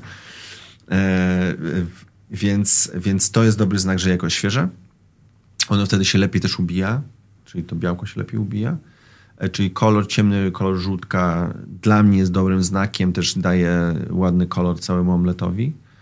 E, no jak oczywiście nie powinno śmierdzieć, e, więc też jak zaczynam ubijać to jajko, to też wydaje mi się, że zależy od tej świeżości. Ono ciężej się ubija, w sensie inaczej, ciężej leży na nadgarstku, tak bym mhm. powiedział, jeżeli właśnie jest, jest dobre, świeże. A taka jest tak jakbyśmy wodę ubijali, jeżeli nie jest świeże. I to się przekłada na ten, na ten po prostu potem omlet. I co się dzieje dalej? Trzeba je dobrze ubić. Mm, e, trzeba je ubić, nie trzeba e, poświęcać temu zbyt dużo czasu. Więc nadajemy temu jakąś tam puszystość ubijając, ale z mojego doświadczenia to nie jest tak, że im dłużej, tym lepiej, więc mhm. tam dosłownie to tak, żeby one się połączyło białko z żółtkiem, energiczny, energiczny ruch. Kluczowa tutaj jest temperatura e, patelni, bo jeżeli temperatura jest zbyt wysoka, to jajko będzie się ścinać zbyt szybko i zbyt twardo. Jeżeli jest zbyt niska, to nie będzie się ścinać. W jaki sposób możemy e, odgadnąć, jaka jest dobra temperatura e, patelni? Jest taki, że ja polewam trochę oliwy z oliwek, kładę trochę masła. Masło ma cząsteczki wody, więc one skwierczą więc jeżeli skwierczą bardzo powoli, znaczy, że jest za zimno, jeżeli skwierdzą bardzo szybko i energicznie, to jest za gorąco, więc wszystko pomiędzy jest ok. Ile sekund między skwierczeniami? Żartuję. To jest taki elegancki, eleganckie skwierczenie, no, tak. ale myślę, że to jest takie właśnie do, do, do wyczucia. E, trzeba po prostu rzucić te jajka, zobaczyć jak się ścina, to jest ok, potem to, co się ścina, ściągamy na, na stronę patelni, potem w pewnym momencie jesteśmy prawie ścięci, zwijamy, gotowe. No to brzmi bardzo tak y, gładko i prosto, ale powiem ci, że ja szlifuję mojego, mojego omleta prawie codziennie może, i on za każdym razem wychodzi inaczej. Być może kolejny z takich jakby y, tutaj trików, no to, znaczy trików, y, kwestii istotnych, to jest y, patelnia, która jest najlepiej nowa, a od nowości potem nie prana nigdy w zmywarce. Mhm. Bo te non-stick teflonowe nieprzywierające teflonowe e, pokry- e, powierzchnie, mhm. one pod wpływem tych detergentów ze zmywarki się tak po prostu jałowieją. I, więc, więc ona nie musi być super nowa patelnia. Ja mam patelnie, które mają ponad rok, tylko po prostu ich są używane do, do, do, do omletów, natomiast e, nie, nie, nie, nie zmywam ich w zmywarce. Jeżeli zmywam to ręcznie odrobiną mydła, ale często też po prostu przecieram papierem i takie sezonuję, aczkolwiek teflon de facto nie potrzebuje sezonowania, natomiast ta jakaś tam powłoka tego, tej oliwki nie szkodzi. Czy uważasz, że taki omlet jest osiągalny dla każdego w domowych tak. warunkach? Tak, 100%. To, to co sprawia, że zrobił się dzięki tobie ten show na omlety w ostatnim czasie, przynajmniej w tym, w tym świadku, który ja gdzieś tam sobie obserwuję. Dlaczego nas tak kusi, żeby wyjść i zjeść taki puszysty omlet? Wiesz, podejrzewam, że jestem ostatnią osobą, żeby odpowiadała na to pytanie. Z tego, co mnie się wydaje, e, jest w tym e, jest parę kwestii. Pierwsza kwestia jest taka, że jest to faktycznie smaczne, przyjemne. Każdy zna to danie, czyli to jest takie danie, którego e, nie trzeba wymyślać na nowo, tłumaczyć ludziom, co chodzi. To jest omlet. Każdy wie, co to jest omlet. No tylko faktycznie dla niektórych omlet to jest taki bardziej twardy, a tutaj mhm. zobaczyli coś takiego, co jest takie bardziej puszyste. E, czy, czy, czy no, ma, jest, jest w tym e, w ogóle w jedzeniu jest jakiś taki aspekt powiedzmy seksualny i uważam, że omlet jest takim daniem, który może się kojarzyć e, bardzo pozytywnie z tym aspektem naszego życia, więc jest w nim jakaś seksualność. No i też chyba kolejna, że ja może trochę jak taki właśnie taki szaleniec się nakręciłem na to, żeby to robić i zrobiłem to z dość dużym rozmachem, bo w, e, w tym roku pojeździłem z tymi omletami. Swoją drogą pierwszy mój pop-up w tym roku był w Seulu. E, tam też dostałem zaproszenie i to też powodowało, że mogłem odwiedzić tamtą część świata, również Japonię, więc, więc startowałem z wysokiego C, a potem w Europie jeździłem jak policzymy, w 15 różnych miastach z samymi omletami. E, I no i po prostu jak wariat robiłem te omlety i gdzieś tam na tym, w tym świecie instagramowym to się, to się może fajnie klikało i, i, i komuś tam w głowie ten, ten żółty omlet i gość e, e, w okularach po prostu zapadł w pamięci. No, i stało się to jakimś tam... To, to, to trochę może jak ten co, co solił steki. Tak. No, też wariat pewnie i, i, i, osiągnął jakiś sukces, więc oczywiście nie chcę się do niego porównywać, ale, ale, ale e, media społecznościowe chłoną jakieś tego typu historie. Robię to też dlatego, że staram się znaleźć w ramach tego dobrego życia sposób na to, żeby zbudować biznes. E, moim następnym krokiem jest otwarcie e, miejsca w Kopenhadze, które dwa tygodnie temu podpisałem umowę. Gratulacje. Dziękuję bardzo. Więc tam będą omlety, więc to jakby po tym roku podróżowania z omletami będą omlety w Kopenhadze na stałe. E, więc e, mam nadzieję, że te omlety będą w stanie e, mnie utrzymać. To znaczy, wiadomo, będę robił też inne rzeczy, no ale to jest jakiś tam rozwój tego, co do tej pory zrobiłem. To jest kolejne miejsce, czy kolejne, pierwsze moje własne miejsce w 100%, bo też robię to bez e, wspólników i będę. E, E, decydował o tym, co jest w menu e, samemu i będziemy, będziemy działać. Będzie to małe miejsce w Kopenhadze e, z takim bardzo charakterem, bym powiedział, domowym. To znaczy inspiracją dla mnie jest, jest mieszkanie bardziej niż restauracja czy, czy jakaś tam gastronomiczna kuchnia. To będzie właśnie taka kuchnia otwarta przy wejściu, bardziej przypominająca domową kuchnię. I będzie, będzie wspólny stół? Czy... Będzie duży wspólny stół, tak. To będzie główny, główny taki element tego.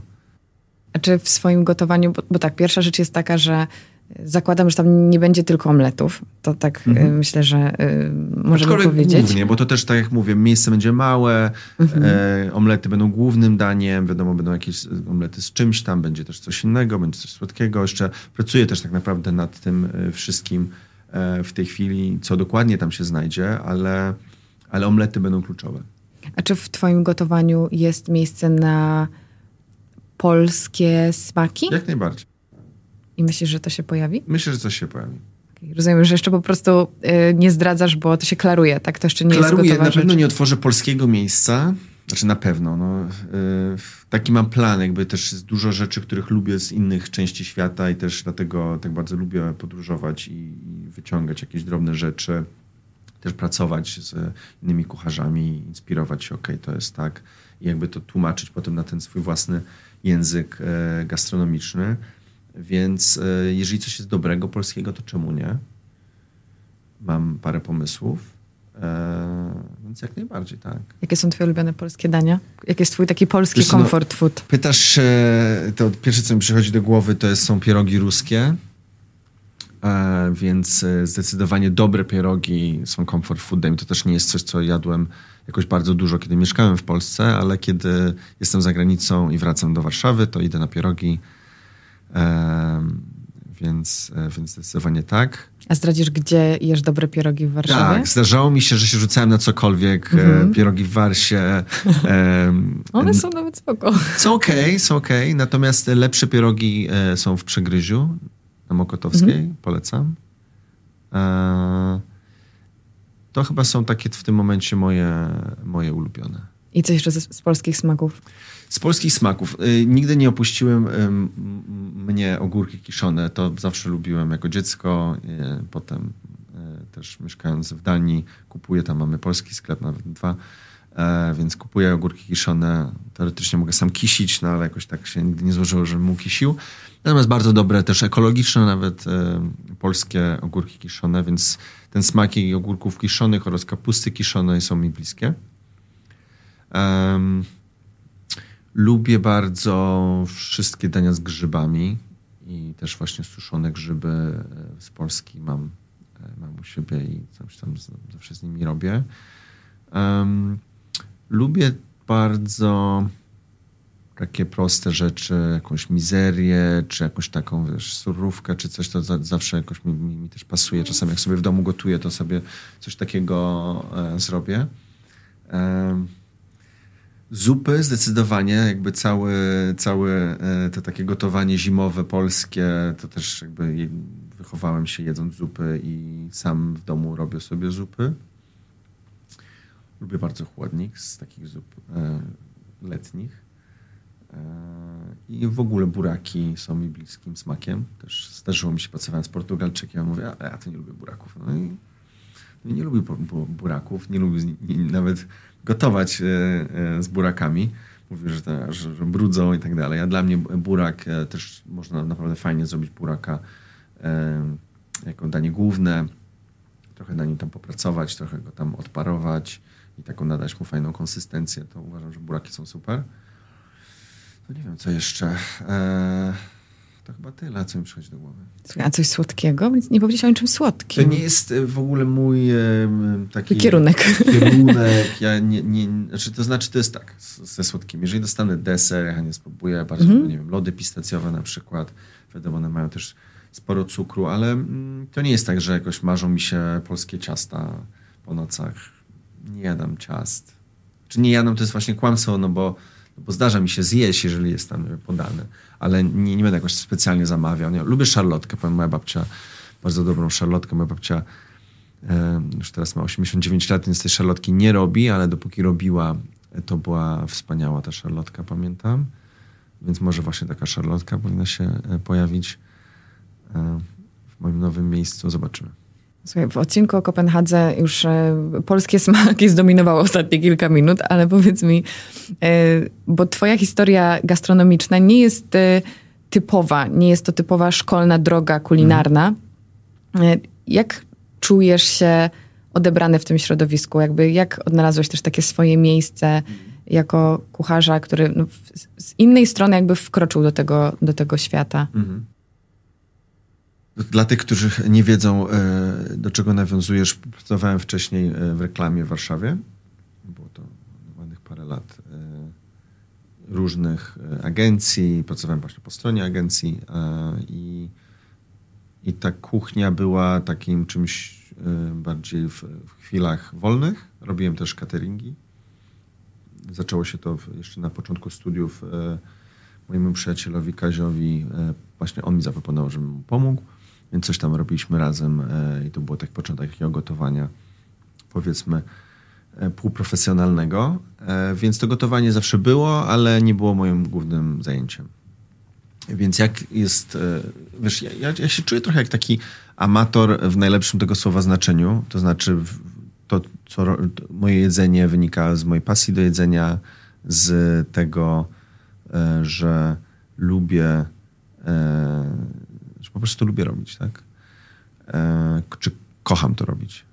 Więc, e, więc wiesz, ciężko jest mi powiedzieć, co inni naprawdę uważają. Może też te opinie jakoś do mnie nie, nie wracają. Może ktoś uważa, że, że... Jeżeli to są Duńczycy, to myślę, że, że mogą nie dotrzeć. Że, dokładnie, że jestem kompletnym dyletantem. Natomiast e, ludzie się cieszą. Byłem e, na jednym z pop-upów, z pop-upów w, w Paryżu.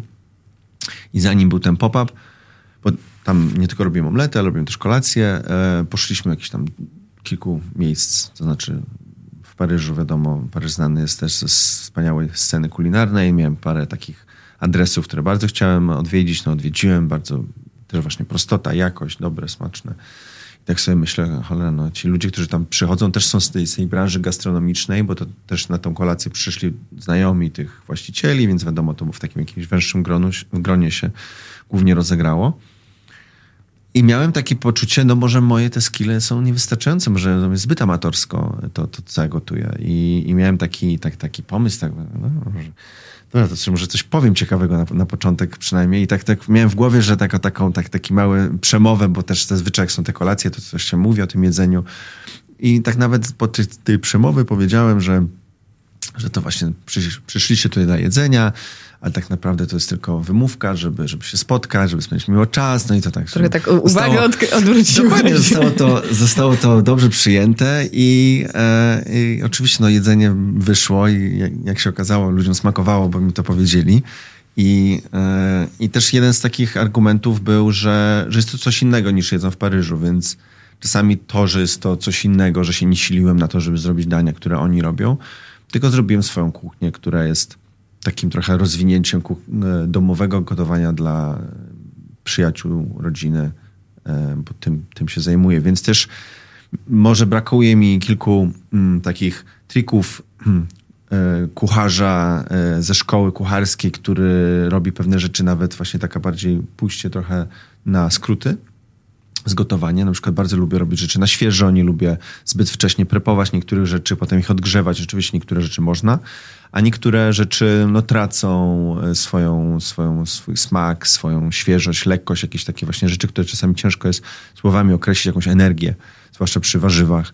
Więc e, żeby, żeby podawać rzeczy jak, e, jak najpóźniej podgrzane, to, to jest dla mnie bardzo ważne.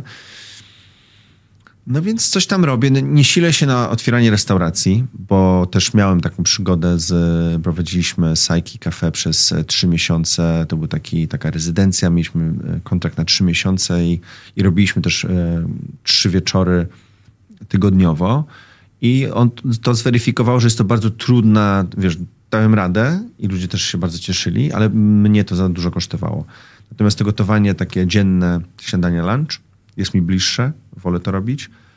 Kolację chętnie zrobię, ale raz na jakiś czas też ta przestrzeń w związku z tym, że będzie miała długi stół, pozwala na to, żeby tam zorganizować kolację, zaprosić e, ludzi, sprzedawać bilety, zrobić e, dla jakiejś firmy event, więc takie możliwości też tam będą.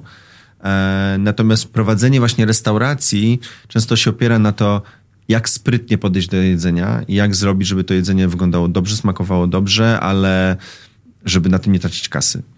Więc właśnie tutaj trzeba te triki gastronomiczne wszystkie znać.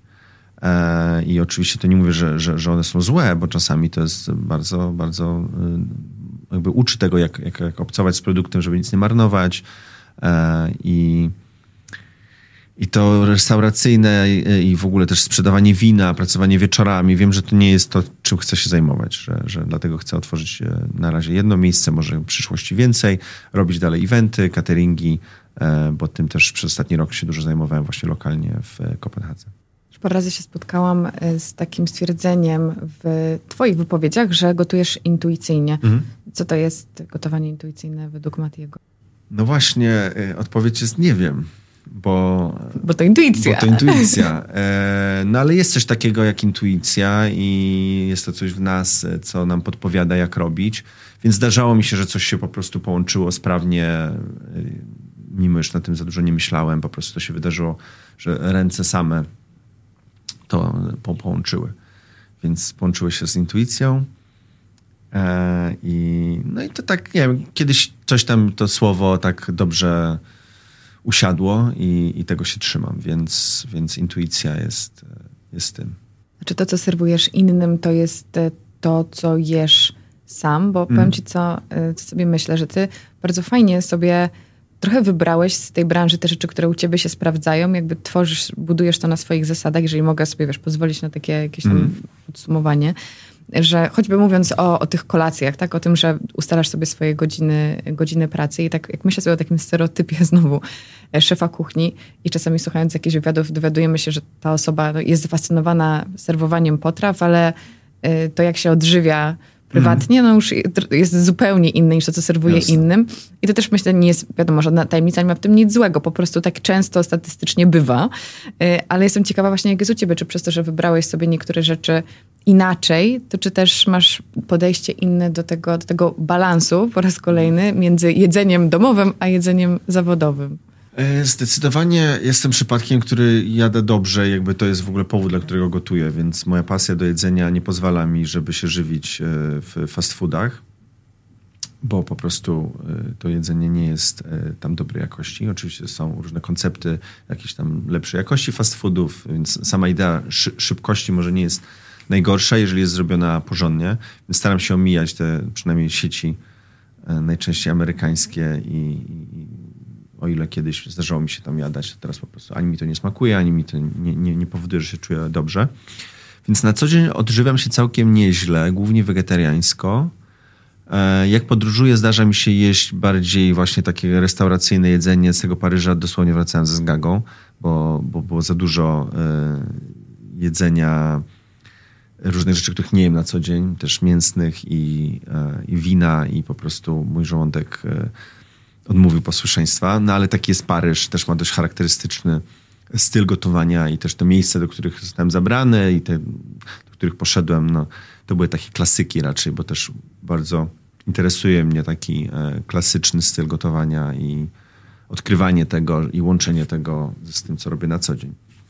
Um, więc, e, więc tak, to nie wiem, czy odpowiedziałem na to, na to pytanie, ale nie jestem tym kucharzem, który który nie lubi jeść albo nie, e, nie, nie przywiązuje, albo nie dojada. Tak, staram się, staram się przywiązywać wagę do tego, bo to też wiem, że dzięki temu lepiej się czuję i mogę dzięki temu lepiej pracować i, i dłużej żyć.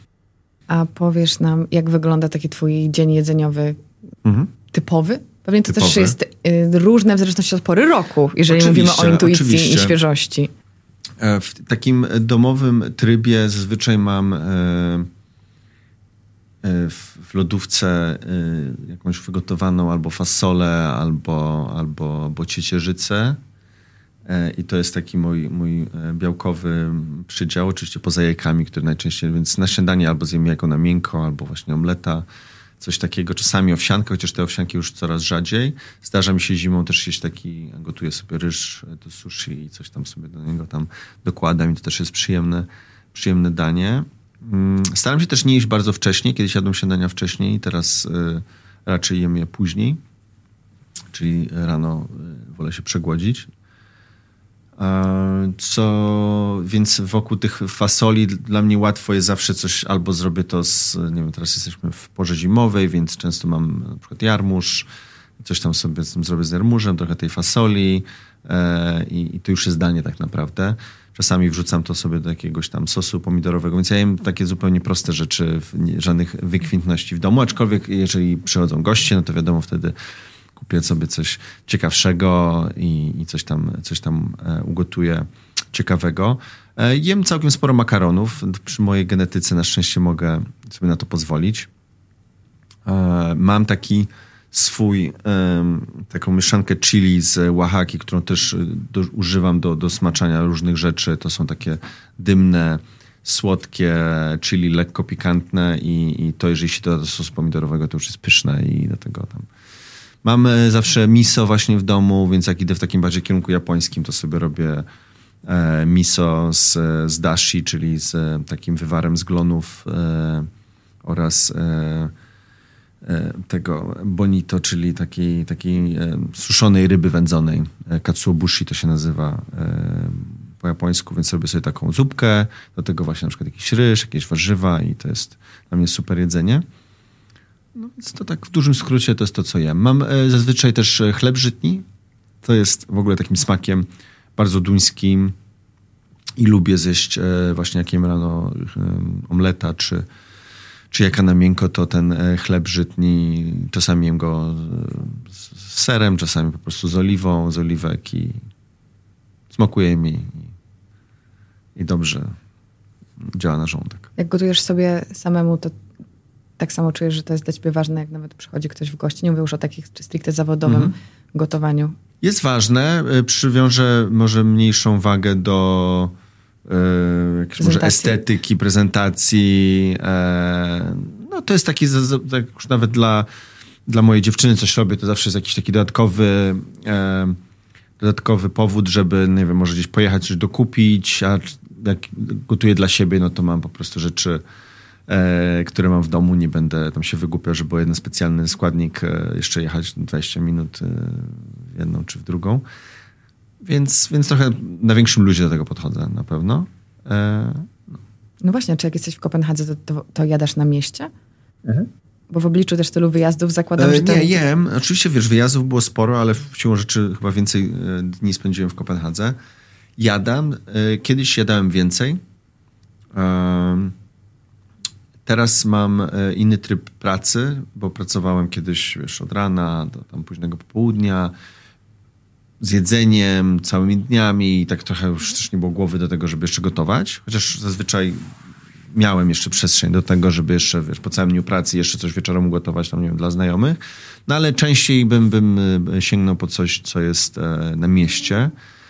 Ale na takie wiesz, rzeczy teraz mam więcej czasu, bo mój, mój tryb pracy jest taki, że, że mam wiesz, eventy, więc mogę bardziej sobie u, e, ułożyć, przynajmniej w tym roku E, dzień, więc zaplanować sobie, wiem, że o godzinie 12 będę w domu i zjem sobie lunch i że wieczorem po, nie wiem, zajęciach jogi o godzinie 20 zjem e, sobie kolację, więc wychodziłem więcej, wynikało to może też z jakiegoś większej potrzeby, nie wiem, poznawania ludzi i większej może fascynacji tą sceną kulinarną. W tym momencie jestem taki trochę, że już ok, spróbowałem większości tych miejsc, nie muszę tam bywać i wydawać pieniądze na to, wolę odłożyć te pieniądze i zainwestować w swój biznes. Więc inne Też priorytety. Zastanawiam się, czy te miejsca, które są znane w Kopenhadze, czy lokalsi w ogóle tam chodzą? Czy to są raczej też turystyczne już miejsca? Nawet nie, że w złym tego słowa zazwyczaj, znaczeniu. Zazwyczaj tak, natomiast do pewnego poziomu. No, niestety przykład Atelier September jest takim e, przykładem e, tej, zwłaszcza tej lokalizacji w centrum, bo e, teraz są dwie nowe lokalizacje, które są bardziej dla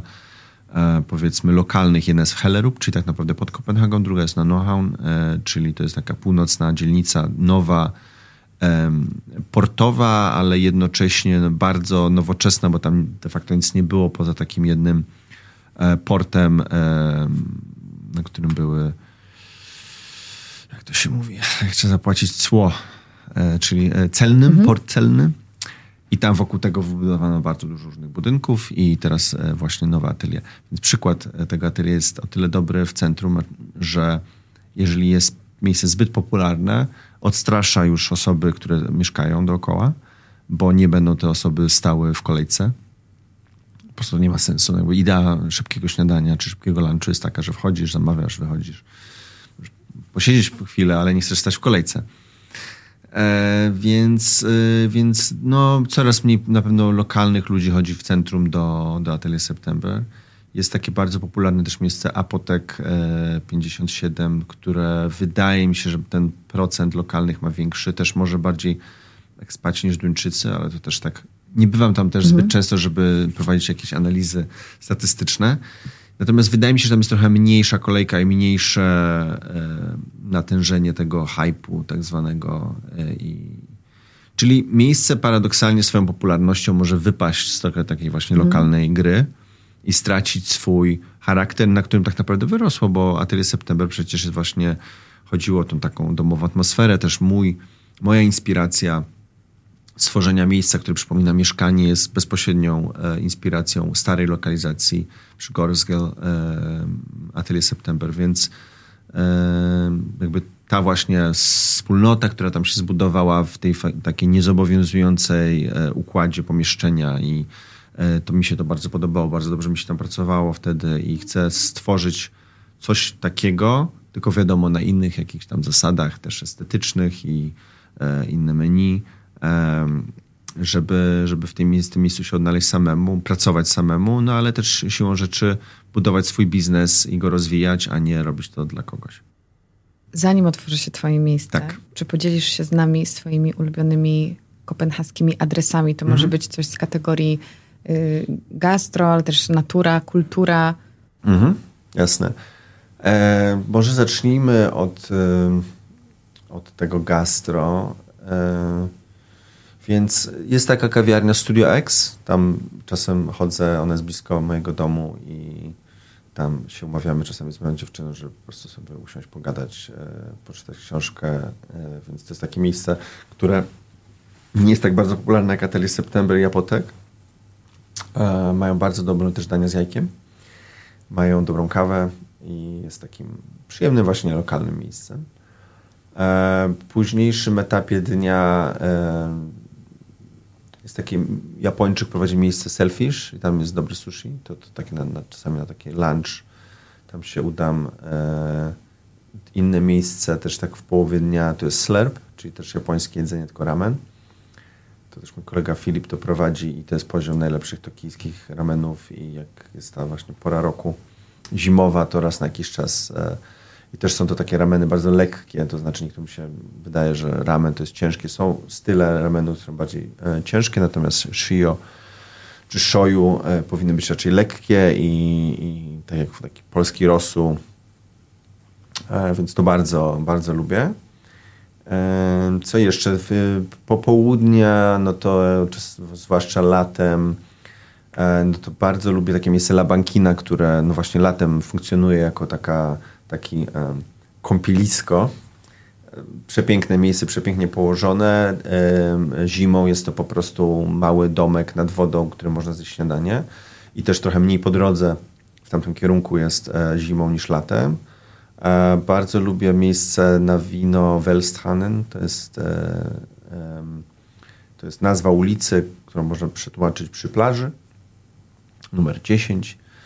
E, I, I, tam mają bardzo dobrej jakości wino, też w pięknym miejscu, więc tam czasami się idzie, już sam nie wiesz, czy idziesz na wino, czy żeby posiedzieć na słońcu, bo oni mają taki e, na zachodzące słońce piękny, piękny taras nad kanałem i, i, tam jest po prostu bardzo przyjemnie. Tam czasami się spotykam ze znajomymi.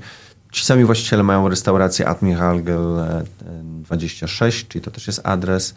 E, tam z kolei lubię bardzo ich sobotnie japońskie śniadanie, czyli to jest taki lunch japoński.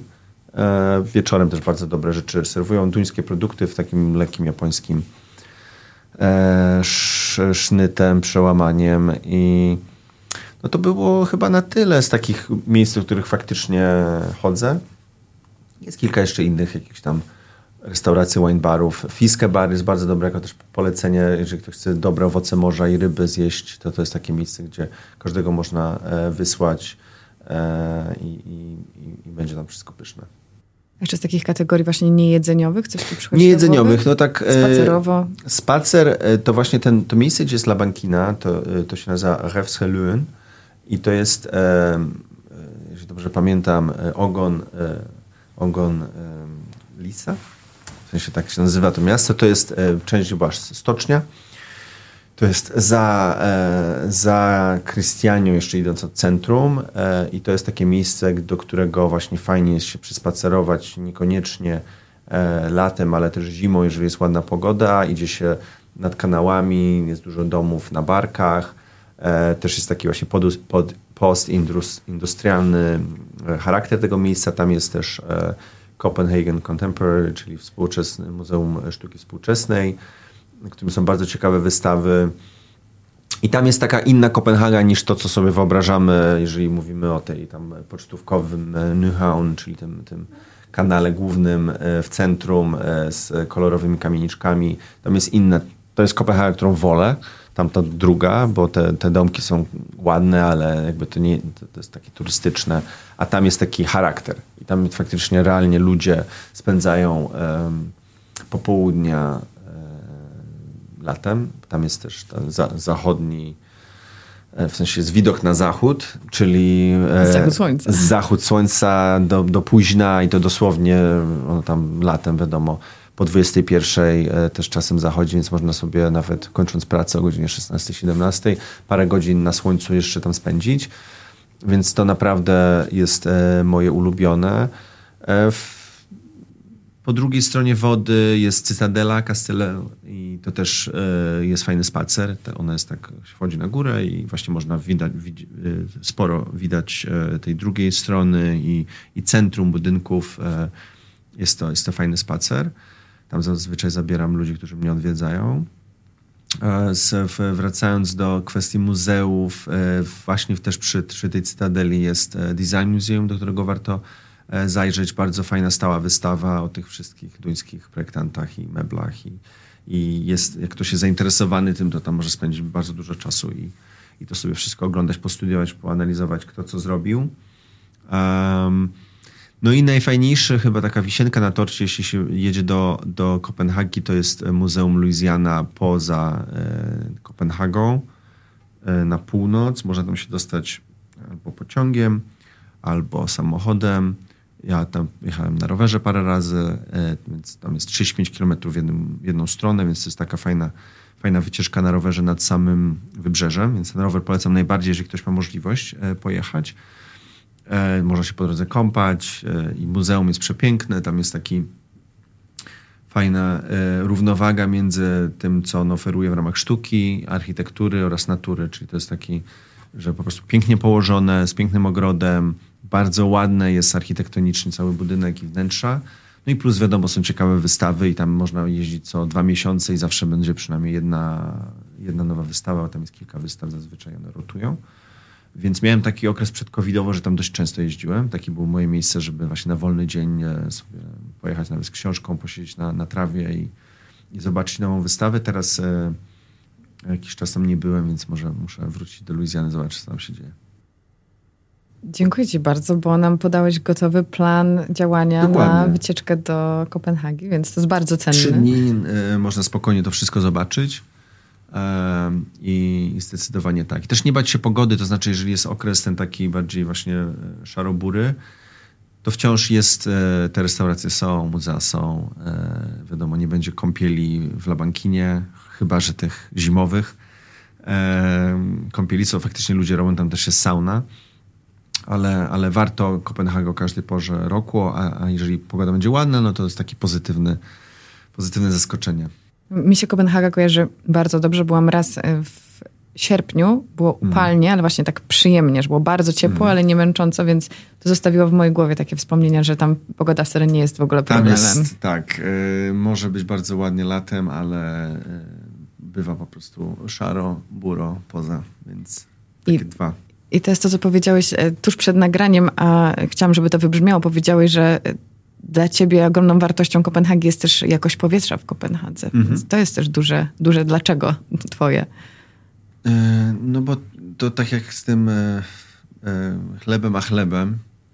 No jak jesteśmy w Warszawie, żyjemy w Warszawie, nie wiemy może, że, że, że, jest, że istnieje coś takiego, nie wiem, tak żartuję, ale łatwiej się przyzwyczaić do niskiej jakości powietrza i do zapachu spalin i że, że po prostu tak jest. A gdy y, mieszka się w, w, mieście takim jak Kopenhaga, które jest po prostu przewiewne, jest nad morzem y, i ten poziom spalin jest niższy, jakby infrastruktura rowerowa pozwala przy, przy, przesunąć y, ruch na ten rowerowy zamiast samochodowego, no to realnie to powietrze po prostu no, no, no, no, no, świeżo, pachnie świeżo. No, wychodzisz na świeże powietrze, musisz, wiesz, odetchnąć czymś, tak? I ja mieszkałem kiedyś tutaj na Nowogrodzkiej e, i miałem zajęcia jogi na Brackiej i pamiętam, jak przechodziłem rano e, alejami jerozolimskimi i de facto musiałem po prostu powstrzymać oddech, bo tam już tak spalina szła e, na, tym, na, na, na, na tym skrzyżowaniu, że to chyba nie o to chodzi. Teraz chyba jest trochę lepiej. E, ale e, tam to jakość powietrza jest, jest dużo lepsza, więc jak przyjeżdżam na przykład zimą do Polski, jestem w stanie to odczuć. Na sam koniec, tak. powiedz mi, jak nie Kopenhaga, to? Jak nie Kopenhaga, to dla mnie. Wiesz co, e, do głowy przychodzą mi Włochy, ponieważ Włochy są takim moim może drugą ojczyzną to byłoby za dużo powiedziane, natomiast byłem tam pół roku na Erasmusie, wcześniej też trochę podróżowałem, w liceum miałem włoski, więc gdzieś ten włoski rozwijałem e, i za każdym razem jak jestem we Włoszech, to czuję się, że to jest taki mój klimat i moja, e, e, moja druga ojczyzna. E, więc, więc może gdzieś we Włoszech, może niekoniecznie w mieście, ale Włochy mają bardzo dużo do, e, do zaoferowania właśnie na prowincji, więc wydaje mi się, że, że tam kiedyś gdzieś jakąś może drugi dom e, czy trzeci dom. stylu, albo trzeci dom e, mieć, żeby móc sobie jeździć. Bardzo piękna jest Pulia na przykład. Tam też ostatnio moi znajomi kupili dom i go tam remontują i to wszystko jest takie inspirujące. Nie wiem, jak klimat w Puli będzie za 20 lat, czy tam to wszystko się nie wysuszy za bardzo. Natomiast jeżeli jesteś pewnie nad morzem, to jesteś bezpieczny. E, więc no to chyba Włochy. E, nie ciągnie mi jakoś bardzo daleko, to znaczy nie wiem, Stany Zjednoczone czy Meksyk, e, miejsca, w których byłem, e, nie wydają mi się jako dobre miejsca e, do mieszkania. to, co mi się podoba też z Kopenhagą, że mogę być, wiesz, w parę godzin u moich rodziców w domu, więc więc rodzina jest, e, jest na wyciągnięcie ręki. No, wydaje mi się, że dłużej się jedzie samochodem do Szczecina niż leci e, od drzwi do drzwi z Kopenhagi do Warszawy. E, więc, więc to, że jest blisko, robi robotę. Byłem, mój przyjaciel Javi, właśnie z Erasmusa, mieszka na, na Wyspach Kanaryjskich i też kiedyś była we mnie jakaś taka myśl, żeby może tam, bo tam jest przecież lato cały rok, i też nie ma takiego upalnego lata e, w ogóle, tylko jest cały czas umiarkowany klimat. No ale jest trochę za daleko, trochę jestem taki jednak odłączony od tego, tej kultury, stylu życia. Fajnie jest tam pojechać na wakacje, ale to nie jestem ja. Gdy ten styl życia e, kopenhaski chyba jest mi po prostu bliższy. I jest mi tam dobrze. Ale też to, to jestem daleki od jakiejś szalonej fascynacji mhm. i zarażania każdego. Słuchaj, musisz tam pojechać i musisz tam mieszkać i się przeprowadzić, bo jest najlepiej. E, z biegiem czasu to wszystko, te, te, te zachwyty się trochę e, uspokajają, a, a może niektóre rzeczy w tej kulturze duńskiej, które mi przeszkadzają, albo może moja własna frustracja, że nie nauczyłem się języka duńskiego. Jeszcze. Trochę e, do, doskwierają, więc, e, więc to jest, to jest zdrowy kompromis. To nie jest, to nie jest najlepsze miejsce do mieszkania na ziemi. To jest mój osobisty zdrowy kompromis. To ja myślę, że życzymy wszystkim, żeby znaleźli swoje miejsce na to dobre życie. Dla niego, każdemu życzę. Tak, bo dla, dla ciebie może to być Kopenhaga, a dla kogoś to może być miejsce, w którym dorastali, więc Dokładnie. szukajmy, i dziękuję Ci bardzo za podzielenie się swoją, swoją Kopenhagą i swoją historią. I trzymam kciuki za otwarcie. Dziękuję bardzo, dziękuję za zaproszenie. Cieszę się, że mogliśmy e, pogadać i, no i zapraszam do Kopenhagi. Dzięki, do usłyszenia. Dzięki wielkie za wysłuchanie tego odcinka i całej serii Jak żyć. Zapraszam do rozmowy w komentarzach na Spotify, na YouTubie i moim Instagramie Karolina Sobańska, gdzie czeka na Was jeszcze więcej ciekawych treści. Do usłyszenia za tydzień.